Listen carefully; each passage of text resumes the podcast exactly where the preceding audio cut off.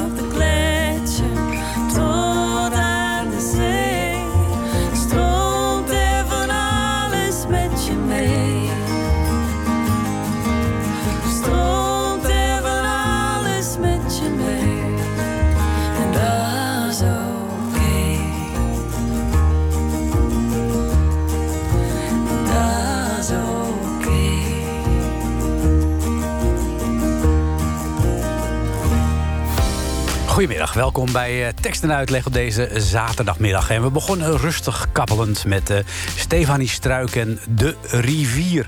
Stefanie Struik, die we natuurlijk ook nog kennen onder haar eh, naam Stevie N. Toen zong, zong ze in het Engels, maar dat doet ze al een tijdje niet meer. Ze zingt al een tijdje gewoon lekker in het Nederlands. Haar eigen moerstaal. Vanmiddag in tekst en uitleg eh, over rivieren gesproken hebben we het over eh, oevers. Dat is de nieuwe roman van Rob Wouwmans. En het toeval wil dat hij tegenover mij zit. Goedemiddag, Rob. Hallo. Ja, oevers. Laten we daar maar eens mee beginnen. Ja. Eh, de vraag die we dan altijd stellen aan, uh, ja, aan menigschrijver, verklaar de titel. Oh ja, dat is gelijk eh, ja, een hele goede vraag eigenlijk. Het boek is, dit, dit nummer wat we net hoorden van Stephanie Struik... ik wist helemaal niet dat dat Stevie N was, by the way. Eh, is heel toepasselijk overigens. Eh, dit boek gaat over een, een vader die met zijn twee zoons... op vakantie gaat, gaat naar een camping in Frankrijk. Heel veel moeite heeft om zijn, om zijn kinderen tijdens die vakantie los te laten. Hij is alleen, hij is alleenstaande vader... Eh, maar desondanks eh, besluit hij op de ene laatste avond een eh, korte wandeling te gaan maken langs de rivier. net buiten de grenzen van de camping. En daar aan de oever, daar gebeurt iets. de vrees van iedere ouder, denk ik. ja, ik kan natuurlijk niet veel meer verklappen. En, en dan begint eigenlijk de reis door zijn eigen leven. Langs de rivier, maar ook langs de oevers van de rivier. Oftewel langs de oevers van zijn leven. Ja. En hoe kom jij eh, op zo'n thema? Want er moet natuurlijk een aanleiding zijn om te bedenken van nou, laat ik dit nou eens pakken als uitgangspunt eh, van inmiddels jouw vierde roman. Ja, ehm, thematiek eh, vaderschap, maar ook scheiding is iets dat in mijn leven ook voorkomt. Eh, en het ligt heel erg dicht bij me. En mijn vorige boeken waren eigenlijk altijd boeken die vrij ver van mij afstonden. Mijn Mhm. laatste boek eh, voor Oevers was De Solist. Dat was eigenlijk op ware feiten gebaseerd verhaal over een Joodse muzikus in de Tweede Wereldoorlog. Nou, dat staat best ver van mij af. Mhm. En ik had heel veel behoefte aan een klein eh, verhaal, Mhm. dicht bij mezelf. En dan bedoel ik niet autobiografisch, maar dicht bij de thema's die ik ken, die ik helemaal doorvoel. En ehm, ja, daar, daar kwam dit, dit, deze, deze invalhoek vandaan. Deze- Ja. Het vaderschap, het alleenstaand vaderschap. Ja. Ehm, Heb je daar ervaring mee? ja, En, Ja. en hoe is dat? Want dat lijkt me best een, eh, een moeilijke taak. Alleenstaande vader. Alleenstaande moeders, daar wordt heel vaak over gesproken. Maar alleenstaande vaders, dat is misschien een wat onderbelichte groep. Ja, dat denk ik eigenlijk ook. Ehm, en het is leuk hoor. Alleenstaand vaderschap is eh, waarschijnlijk net zo leuk en net zo zwaar als alleenstaand moederschap. Ehm, maar de, de, de. Kijk, in het boek beschrijf ik de alleenstaande vader op een camping. Mhm. Maar ik geloof dat elke alleenstaande ouder, of nou moeder of een vader is, alleen met zijn of haar kinderen op vakantie gaat, dat hij zich herkent in die zaken die zich dan voordoen op zo'n camping, op zo'n kleine community, op zo'n mini-universum. Waarop je gelet wordt ook. Ja, eh, op het schoolplein en thuis zijn we dat intussen wel gewend. En daar ben je dan de hele Mhm. jaar al. Dan heb je al je rol gevonden. Maar op een camping moet je je eigenlijk helemaal opnieuw jezelf eh, gaan voegen in zo'n mini-universum. Ja. En dan word je ook geconfronteerd met alles heel erg dense, hè, dus heel erg geconcentreerd Mm. opeens alles. Dus je bent je heel erg bewust van de blikken. Iedereen is heel erg dichtbij. Dus je gaat je misschien erg overbewust Ja. gedragen van je eigen gedrag, van je kinderen. Ehm, dus dat vind ik elk jaar op vakantie toch altijd wel weer lastig. Ja, ja, ja, nu, ja, nu worden er wel altijd, tenminste wat ik begrepen heb, er worden wel reizen bijvoorbeeld georganiseerd voor alleenstaande moeders met kinderen. Worden er ook reizen eh, georganiseerd voor alleenstaande vaders met kinderen eigenlijk? Oh, ik wist helemaal niet dat dat. Ja, dat bestaat. Oh, nou, dan weet ik dus ook niet of het voor vader bestaat. Nee. Nou, en als het zou bestaan, dan zou ik daar waarschijnlijk nooit eh, aan, bij, eh, aan meegaan. Want je wil niet in zo'n groep, zeg maar. Nee, dat lijkt me toch vreselijk. Je, je kiest je eigen pad. Wat, Ja. wat, je, wat je wel merkt, ehm, tenminste voor zover ik een beetje om me heen heb gekeken in het verleden. eh, als je als, alleen, als vader met, met je kinderen op vakantie gaat, je komt op een camping, dan is het die vader met zijn kinderen. En dat is dan, nou ja, hè, de- en daar wordt dan een beetje naar gekeken. Nou, eh, een, een beetje, ja, hoe moet je dat nou zeggen? Een beetje meesmuilend, een beetje medelijdend. Maar als de moeder met haar kinderen is, dan wordt er gezegd: Kijk, die vrouw is, dat is een sterke vrouw. Die gaat gewoon met de kinderen op vakantie. Goed van haar. Ja. Eh, Heb je dat ook eh, gemerkt? Ja, dat is denk ik wel een beetje de. Ik denk dat de emancipatie, eh, als het gaat om eh, gescheiden ouders, eh, nog wel een beetje achterlopen op het gebied van de vader. Vaak is dat inderdaad. Er wordt vaak toch wel een beetje met dat blik naar je gekeken. En misschien is dat ook wel eh, hoe je het zelf interpreteert, natuurlijk. Voel- voelde jij jezelf zielig? Nee, helemaal niet. Ik, vond het, ik vind het elk jaar weer. Ik ga volgende week weer overigens eh, Oh. weer naar een camping in Frankrijk. Hoe is het toch mogelijk? Eh, maar ik vind het heel erg leuk, want het is. eh, we zijn, ik heb ook twee zoons. Hoe oud zijn die? Die zijn 9 en 11. Mhm. En eh, we hebben altijd de grootste lol. En ik vind het, kijk, net zoals de camping een mini-universum is, is het dus een kleine vertaling van wat je in het echte leven ziet. Dus ja, je Hmm. ziet daar natuurlijk ook alle andere relaties. En de stellen en de buren. En dat is lang niet altijd eh, bij en vree. Hè? Nee. Het is toch altijd. eh, en daar kan, kan ik dan soms met een, met een licht vermaak naar kijken. Dan Maar denk je, ik ben gelukkig alleen. nou, dan is dat toch wel. Heel veel dingen zijn natuurlijk op vakantie wel een stuk eenvoudiger als je alleen bent. Tenminste, tenzij je heel goed op elkaar ingespeeld bent als, als stel. Maar, Ja, je hoeft niet te overleggen, behalve met je kinderen ja, natuurlijk. je kunt qua vertrektijd, hoe pakken we in? Het is allemaal heel erg duidelijk. Ik, ik Ja. bepaal dat namelijk.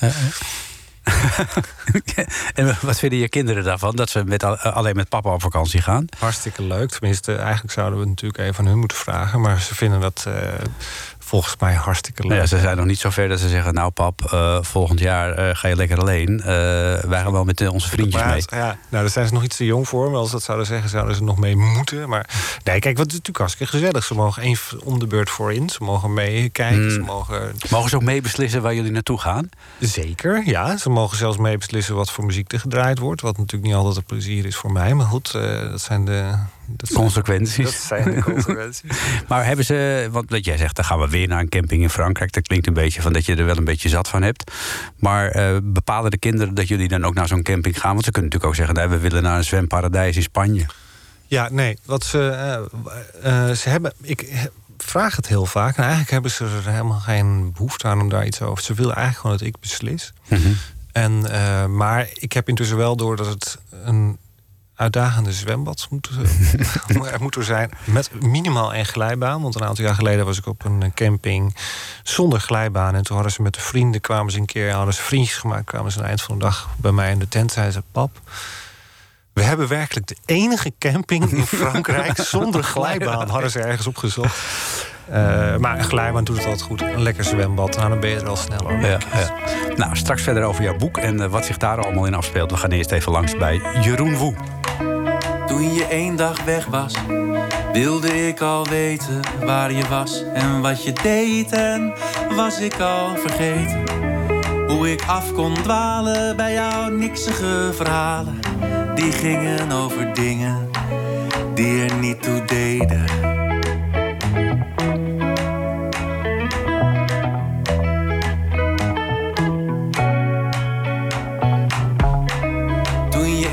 Weg was, wilde ik al eten. Samen op de bank of ergens. En was ik al vergeten. Hoe ik in jouw zwijgen steeds weer het gevoel kon krijgen. Dat wat ik ook probeerde, dat het nooit genoeg zou wezen.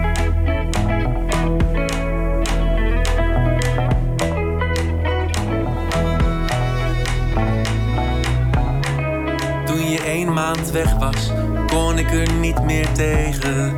Wou ik dat je terugkwam en was ik al vergeten. Hoe jouw aanwezigheid mij het gevoel kon geven. Dat ik zat gevangen in mijn eigen leven.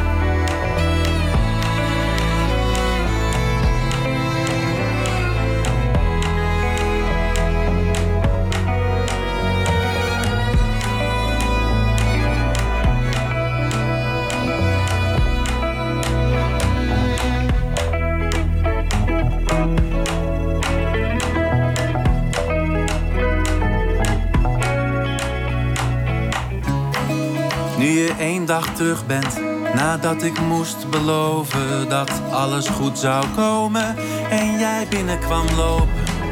Nu je ligt te slapen alsof je hier nooit weg was, nu alles weer gewoon is. Nu komt alles weer boven. En wou ik dat je weg was.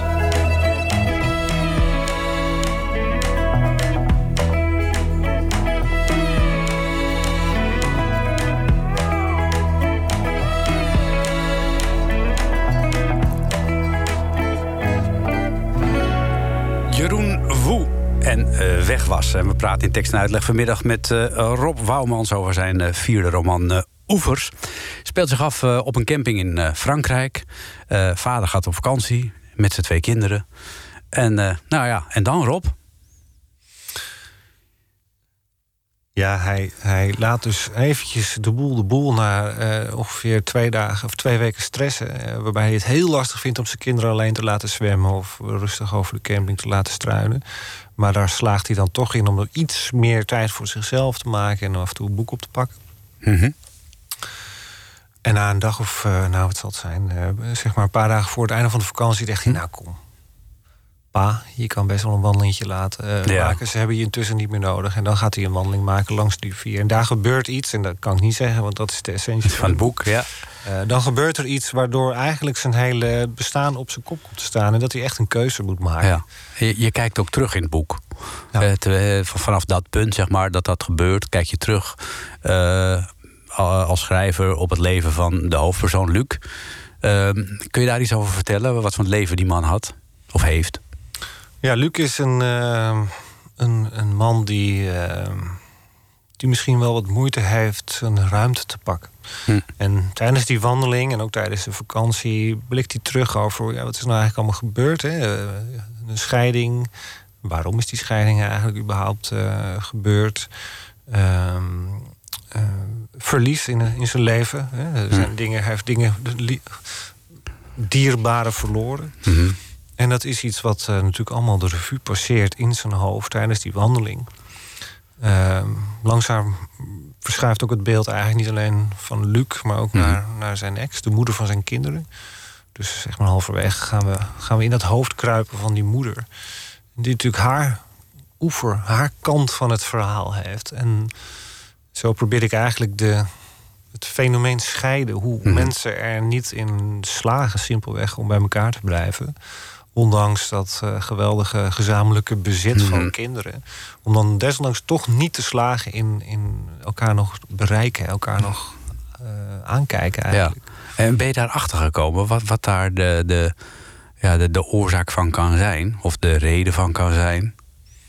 Nou, in dit geval is dat. eh, is dat en ik denk dat dat wel vaak zo is hoor. Eh, het onvermogen om eh, verdriet onder de ogen te komen. Mhm. Onvermogen ook om je eigen pijn, of dat nou eh, zijn oorsprong kent in de relatie of daarvoor, om dat goed onder ogen te willen zien. Hm. En, eh, en dus met je, met je eigen pijn en je eigen eh, verdriet geconfronteerd.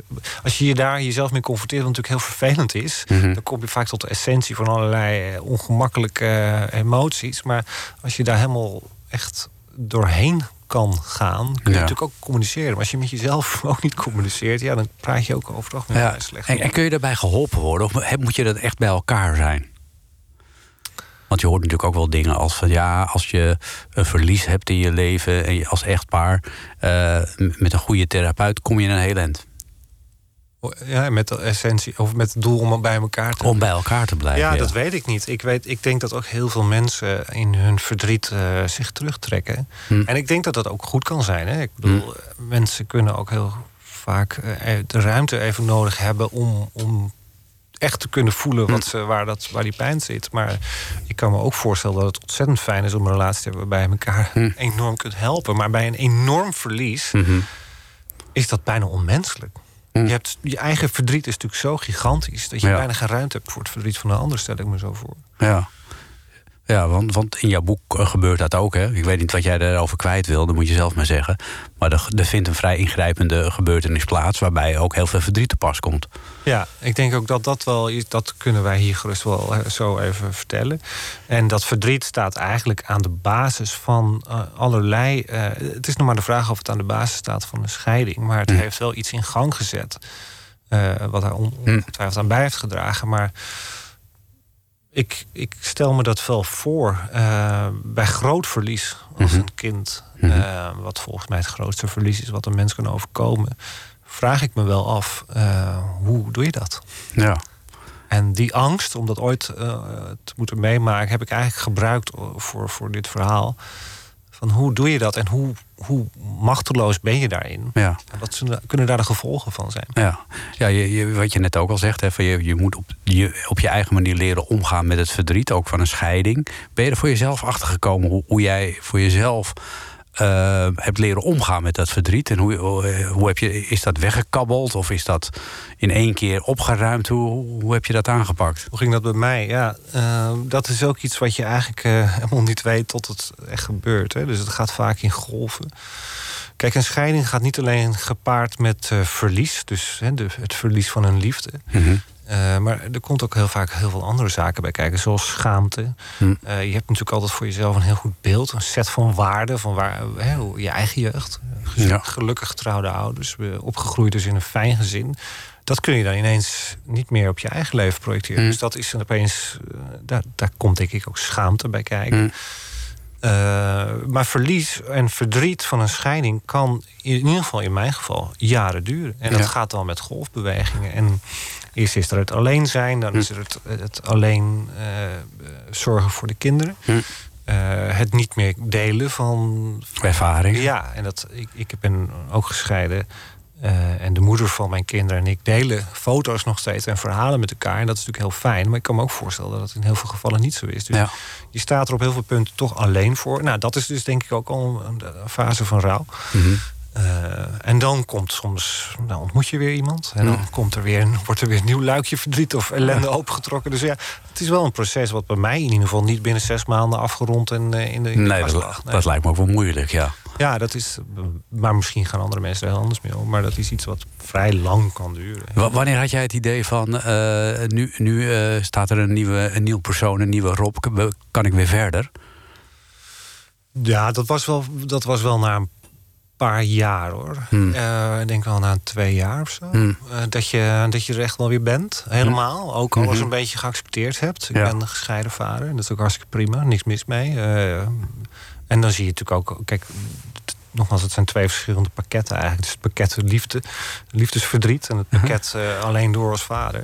Ja, en dan het derde pakket, ook niet te vergeten. Je hebt natuurlijk ook nog een bestaan op te bouwen. hè. Want eh, normaal gesproken heb je een, een, een gedeeld huishouden met twee mensen die waarschijnlijk alle twee werken, hun inkomen inbrengen. En nu heb je een zelfstandige eh, unit, zeg maar. Ja. En je, je, je moet jezelf in leven houden. Je moet je middelen van bestaan weten te vinden. Ja. Dat is ook een heel andere, heel andere manier van Ja, leven, dus de denk ik. economie van de, van de, van de relatie, Ja. het altijd maar een beetje. Dat is denk ik ook wel een beetje het probleem van de huidige tijd. Dat heel veel relaties ook op dat gebied economisch van elkaar afhankelijk worden. Hè. Dus Dat- mensen durven misschien niet eens meer te scheiden. Wat natuurlijk Daarom. in de huidige tijd misschien nog wel lastiger wordt om elkaar echt eh, Ja. Voor elkaar te gaan. Maar ja, dat klopt ook. Dus je bent niet alleen op jezelf aangewezen als het gaat om emotionele. eh, hoe, ga je met, hoe ga je met jezelf om met je Mhm. kinderen? Maar het is ook nog eens een keer financieel, Ja. economisch. Dus ja, je moet zorgen dat, je, dat er genoeg geld eh, Ja. is. Eh, dus het voelt allemaal, het voelt als een enorme verantwoordelijkheid. Hm. Die elke alleenstaande moeder ongetwijfeld ook zou voelen, maar een alleenstaande vader ook. Dus Ja, ja. Hoe is het nu met moeder en vader? Met de met vader die tegenover je zit? de- oh ja, die, en, en de moeder van jouw kinderen? Ja, die, dat gaat allemaal hartstikke prima. Ja. Ja, jullie hebben altijd bij je leven gewoon weer eh, kunnen oppakken en, en voelden eh, je eh, los van elkaar gelukkig. Ja, ja, en wij wonen relatief dicht bij elkaar, in allebei in Amsterdam. Eh, de kinderen zijn eigenlijk niets anders gewend. Want we zijn Hm. eigenlijk heel vroeg uit elkaar gegaan toen de kinderen nog heel jong waren. Dus voor de jongens is het eigenlijk eh een normale zaak van de wereld. Ja. Eh, dicht bij elkaar. De vader en de moeder wonen relatief dicht bij elkaar. Ze Hm. kunnen naar mekaars huis toe fietsen. Dus dat voelt Daar, voor hun. Ze hebben twee leefomgevingen in één leefomgeving. Ja. En dat is heel fijn. Nee, dus wij hebben allemaal prima, prima op orde. Ja, nou, goed om te horen. Ja. We gaan even snuffelen langs de oevers van de tijd.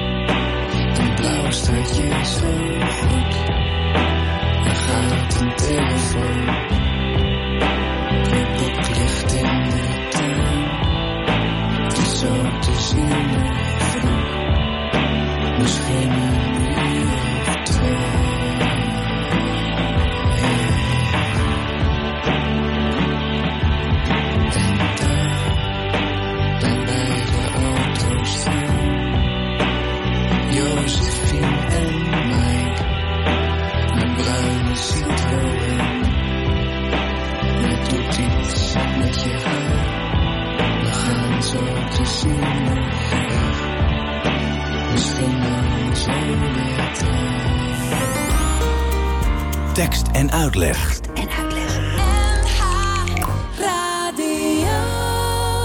Ja, en in tekst en uitleg vanmiddag de gasten Rob Wouwmans over zijn eh, vierde roman. Oevers speelt zich af in eh, Zuid-Frankrijk op een camping. Eh, hij is daar op vakantie, de hoofdpersoon die Luc heet met zijn twee kinderen. En er komt op een bepaald moment een, eh, een omslagpunt in deze roman, waar we het nu verder niet over gaan hebben. Dan moet je het boek nog wel lezen. Maar wat ik nog wel even met jou wil bespreken, Rob, over deze camping. Je beschrijft wel heel duidelijk van wat voor soort mensen er op zo'n camping komen. Dat is op zich wel een interessant gegeven. Dat is er nog een variëteit aan, ja, aan- aan soorten Nederlanders, om het zo maar eens te zeggen. Ja. Ja, die, ja, die heb je nou, nauwkeurig bestudeerd, volgens mij. Ja, dat is eigenlijk een combinatie van allerlei mensen die ik zo de afgelopen zeven, acht jaar op campings heb gezien. Eh, we kunnen ze natuurlijk allemaal wel een beetje voor ons halen. de leuke gezinnen, de, de zagrijnige gezinnen, die ik trouwens meestal nog leuker vind dan de zogenaamd uitbundige leuke gezinnen. Ehm, de uitslovers, eh, ja, nou, we kennen ze allemaal wel. Nou, maar je ziet ook heel veel mensen die daar op zo'n camping, eh, ondanks de omstandigheden, altijd nog de schijn proberen op te houden. Ja, en dat is zo mooi van een camping. Dat is bijna onmogelijk. Want de, de muren zijn dun. Mhm. Als er al een tentdoek eh, iets tegenhoudt. En het, is, het, ligt, het is al out there. Je ziet het Mhm. allemaal voor je neus gebeuren. En het is voor een schrijver... en misschien ook voor heel andere mensen... natuurlijk heerlijk om daarnaar te kijken. Eh, want ook dat heb ik zelf wel eens meegemaakt. Dat, soort dingen- dat soort dingen kun je niet verhullen als het niet eh, lekker Hm. loopt. Of je hebt mot, of je bent met de verkeerde bij het bed gestapt. Dus dat voor de hele camping wel te zien. Ja, en er wordt er ook meteen wat van gevonden. Hè. Dat hoor je niet, maar dat zie je wel. Dat zie je, of althans, je maakt er in ieder geval van dat iedereen het ziet. wat eh, zelfbewuste mensen altijd weer heel erg nerveus maakt.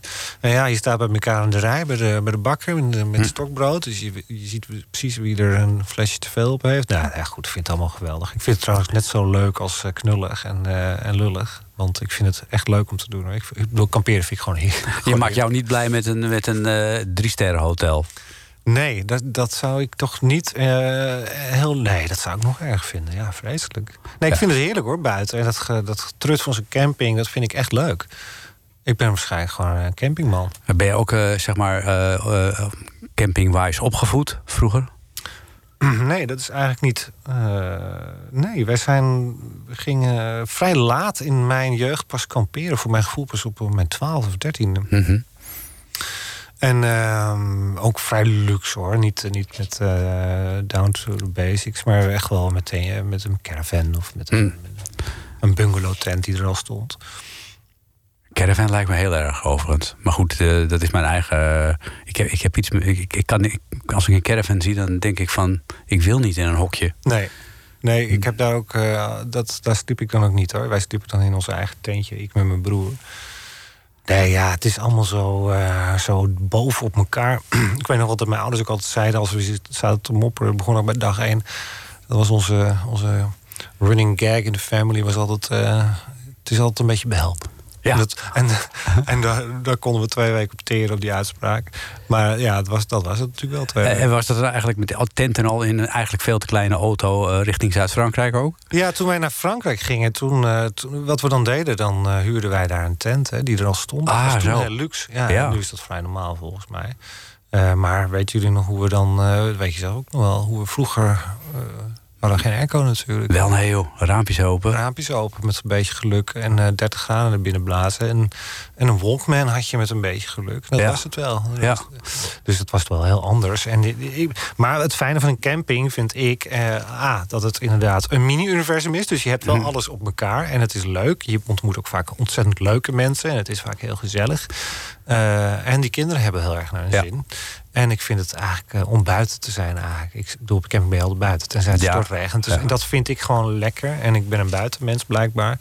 Eh, dus ik, zie- je ziet mij niet snel in een hotel zitten met een eh, zwemparadijs. Dat lijkt me echt niks. Maar ja, als je kinderen nog klein zijn, heb je, is, is het wel lastig natuurlijk. Vooral als ze nog niet kunnen zwemmen, dan ben je wel de hele dag bezig natuurlijk op zo'n camping. Het is- achter die kinderen aan Ja. te hollen. Het is een. ehm, het, is een het is vermoeiend. Maar kijk, ook toen de jongens net, eh, mijn jongens net een, een zwemdiploma hadden, toen zat ik ook gewoon nog bij het zwembad Hmm. De hele tijd te kijken. Of er een ongeruste vader? Ja, de ongeruste vader uit te hangen. En nu pas, nu ze wel echt wel wat ouder zijn, durf ik wel eens een boek op te pakken. Maar ehm, ja, dat, maar goed, dat is natuurlijk overal zo. Als je kinderen klein zijn, dan is het gewoon hard werken. En ik heb twee jongens en ik heb het gevoel dat dat ook nog eens heel anders is dan, dan meisjes die soms nog wel eens een taartje willen bakken op het strand. Maar die van mij, die bakken geen taartjes op het strand. Die vliegen van links naar rechts eh, weg zijn ze. Nou, ik heb alleen maar dochters, ik kan je verzekeren. Het, het maakt weinig verschil. Oh, die illusie moet dan ik je heb ik me helaas... dat gewoon wijsgemaakt. Ja, Ja. ja, die illusie moet ik je ontnemen hoor. Je, je bent net zo bezorgd. Ja, maar misschien ook wel weer om hele andere dingen. Dat weet ik ook dan weer niet. Kijk, jongens en meisjes, eh, ja, die vergelijking op campings eh, maakt dat helemaal geen verschil Ah. uit volgens mij. Nou, mooi. Dus die, eh, Hoe, hoe is het, hoe, hoe- is het nu je dit boek af hebt? Is het een soort afsluiting ook voor jou voor een periode van dat je denkt, nou, ik heb die scheiding nog helemaal achter me gelaten. Ik ben met mijn jongens en dit, dit is de neerslag van een aantal jaren in mijn leven. Ja, nu, nu schets je het alsof het sterk autobiografisch is, dit boek. En dat is natuurlijk niet waar. Ik heb wel mijn ervaringen van een scheiding... en de ervaringen van een alleenstaande vader natuurlijk gebruikt voor dit boek. Ehm, ja, wat, wat, wat ik altijd doe bij het... Als er een boek verschijnt, zoals in deze periode... probeer ik er altijd voor te zorgen dat ik alweer bezig ben met een volgende roman. Want het is altijd een hele lastige periode. Je boek is af, je hebt het pers klaargemaakt... en dan is het uit je handen. Dan gaat het naar de drukker en dan krijg je een hele proces. Eh, nou, dan, dan is, er eigenlijk al, is het eigenlijk al uit mijn systeem. En dan Oh ja? begin ik al met een nieuw boek. En eh, ik merk ook wel eens als we daarover praten... dat ik soms even moet graven hoe het ook alweer... Dan zit ik al echt met het andere verhaal in, In je hoofd, oké. En dat vind ik ook wel heel fijn, want ik wil niet... eh, het, ik heb geen invloed meer met dit boek. Nee, maar ben je niet gespannen en in afwachting van een recensie, hoe het boek loopt bij de boekwinkel, nou ja, dat soort dingen? Ja, dat wordt wel dus blijkbaar minder. Dat had Hmm. ik dus in het begin heel sterk. Mhm. en, ook, eh, en nu heb ik zoiets, ja, dit is gewoon weer een boek. En we gaan door met de volgende. En, en zoals, oh, ik ben altijd wel heel blij als ik met een fijn nieuw idee kom voor een nieuw boek. Het idee is er al dus. Ja, het idee is er al. Ben ik eigenlijk best wel ver. En dat kan ook zomaar weer anders worden. Hè. Ik bedoel, Hmm. eh, dit, dit verhaal, oevers, vers- dat, dat drong zich aan mij op op de camping in Frankrijk. Twee jaar geleden. Dus, en Heb dat- je vlot geschreven dan? Twee jaar is best snel voor een roman. Ja, dit was een boek dat ik. ehm, het idee kreeg Mhm. ik tijdens het afwassen op camping. Kijk, En toen ik terugliep met mijn druipende af, afdroogrekje, toen wist ik eigenlijk al: dit is het. En dat heb ik nog nooit eerder gehad met een boek. Eh, dus alle kritische vragen had ik mezelf gesteld. Hè? Dus Mhm. voldoet het hieraan? Wat kan ik ermee? Dus, maar ik had eigenlijk de hele verhaallijn in hoofdlijnen gelijk al. En toen wist ik. Snel opgeschreven. terugkom, ja, toen ben ik thuisgekomen. Ben ik later. En toen heb ik hem eigenlijk in, een, negen of tien maanden geschreven. Nou goed, dan komt er nog een heel proces van redactie. et cetera. ja. Dus ja, dat is wel fijn. Eh, dus ik ben nu eigenlijk weer verder met het boek waar ik toen eigenlijk mee bezig was. Ga je natuurlijk niet verklappen waar het over gaat. Kan ik nog helemaal Nee, kan je niks over zeggen. Moeten we gewoon rustig afwachten. Voorlopig moeten we het eventjes doen met eh, jouw boek eh, Oevers. Ik vond het heel leuk dat je er was, Rob. We Ik hebben uitgebreid over het boek gesproken. Waar je volgende boek over gaat, horen we dan vanzelf. Nu ligt in ieder geval overal in de winkel Oevers van Rob Wouwmans. En het is uitgegeven door Atlas Contact. Dankjewel. Dankjewel, Joost. Ik heb mijn badjas aan, zitteren in mijn tentje. Ik ben nog niet gedoucht, maar voel me best wel lekker. De zon komt op, gisteren was heftig. Welkom op het ik ben de koning van de camping. Dat is wat trapt me land, ik kom me volk roepen. Ik schiet zo te hulp, maar is nog even poepen.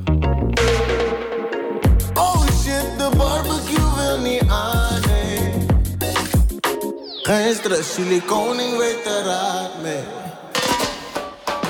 Kijk de koning, koning club doen. Kom met de koning zijn vanavond. Kijk de koning, ginder, ginder. Ginder bij de ingang staat ze.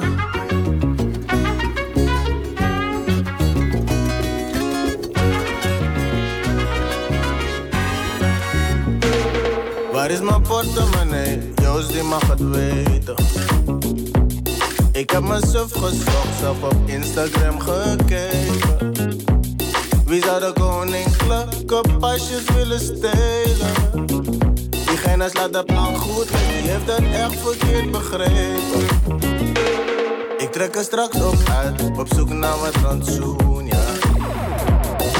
Maar mag niet uit, bijna niet te doen, ja. En mijn broek zak af, kom nog in de krant, koning in de bijstand. Kijk de koning, koning club doen. Kom met de koning zijn vanavond. Kijk de koning, ginder, ginder. Ginder bij de ingang staat ze.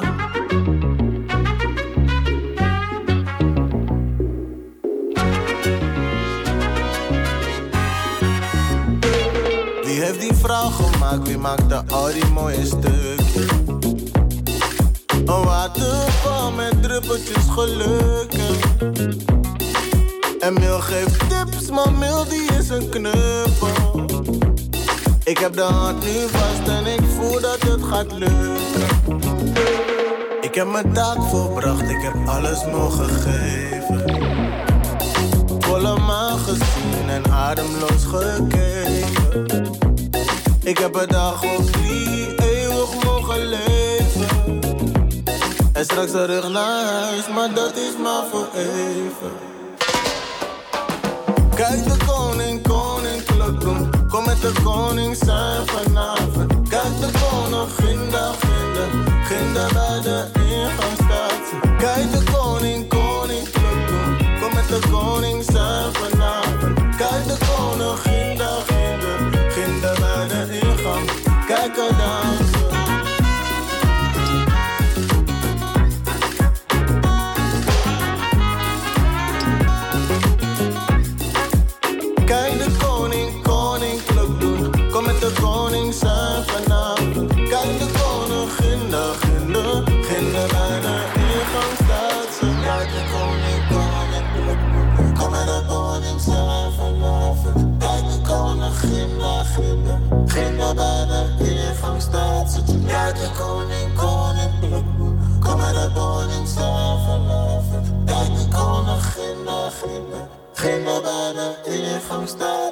De koning van de camping van eh, Gerson Meen.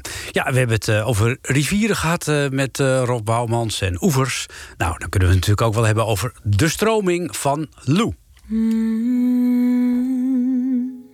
we drinken de nacht. Mm, en verdrinken in de aandacht.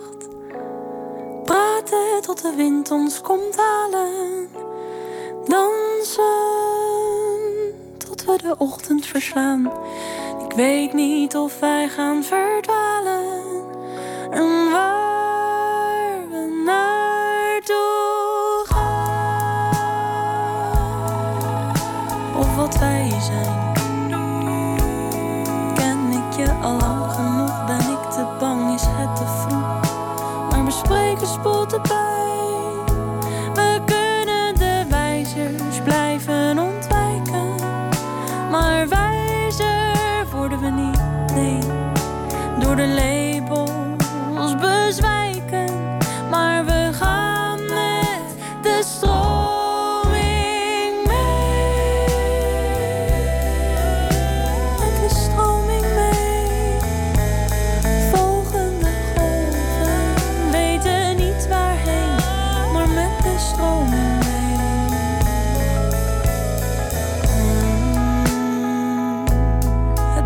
Donkerblauw wordt zwart. Terwijl de nacht je achtervolgt, we surfen op dezelfde golf. En het onweer maakt ons hard. Rennen door de regen, donkere wolken om ons heen. Maar zelfs al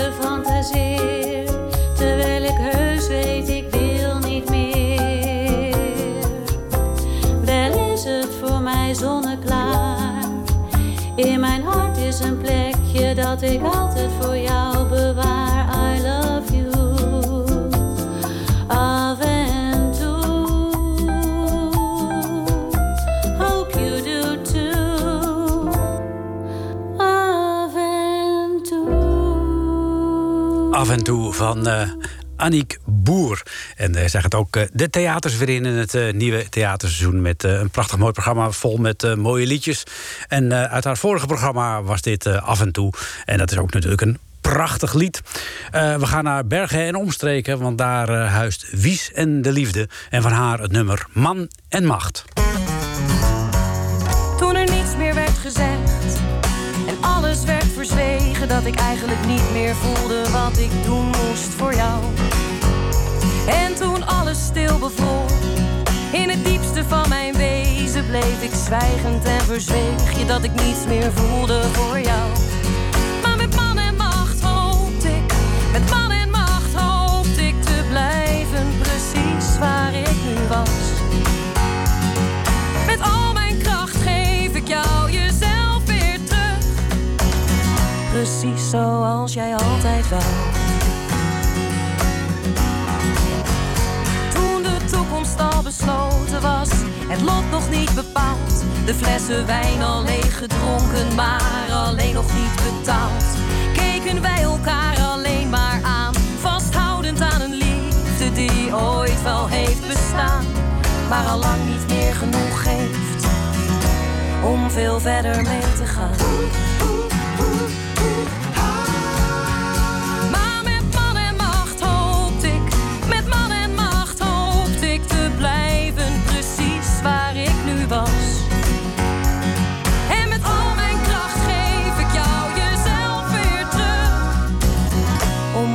Ik zoveel van je hou. Met man en macht, met man en macht. Oh, met al mijn kracht, oh, met al mijn kracht. Omdat ik zoveel van je.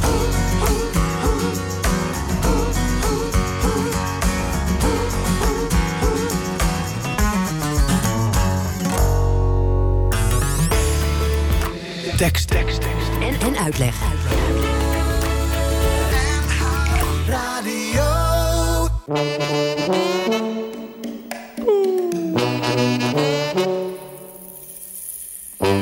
Toen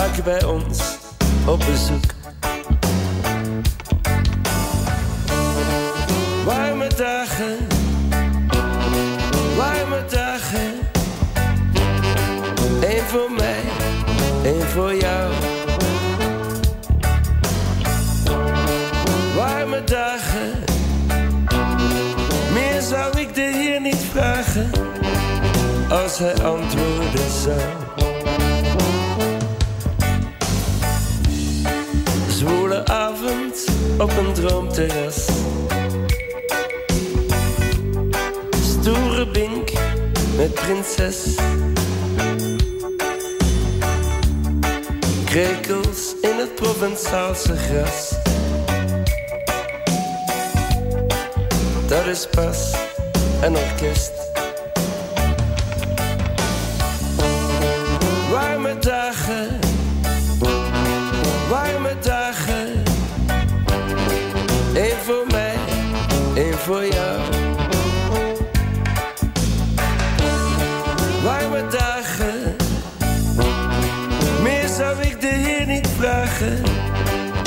Als hij antwoorden zou.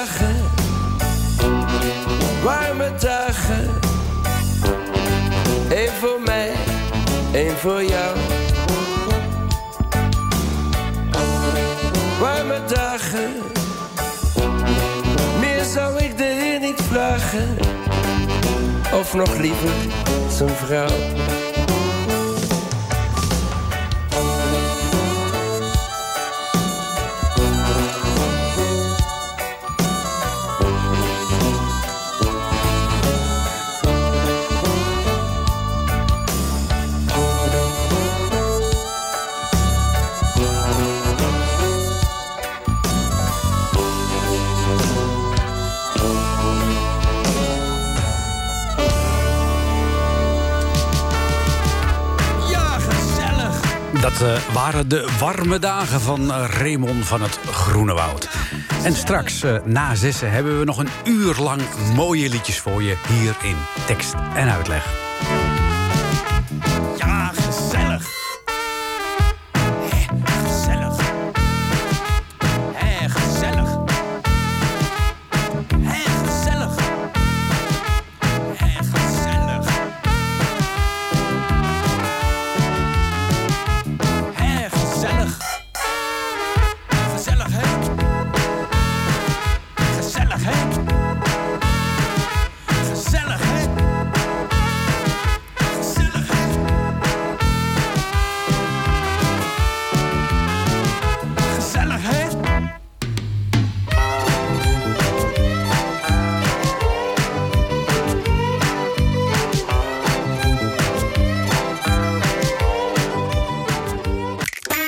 Was een NH Radio podcast. Voor meer, ga naar nhradio.nl. Radio.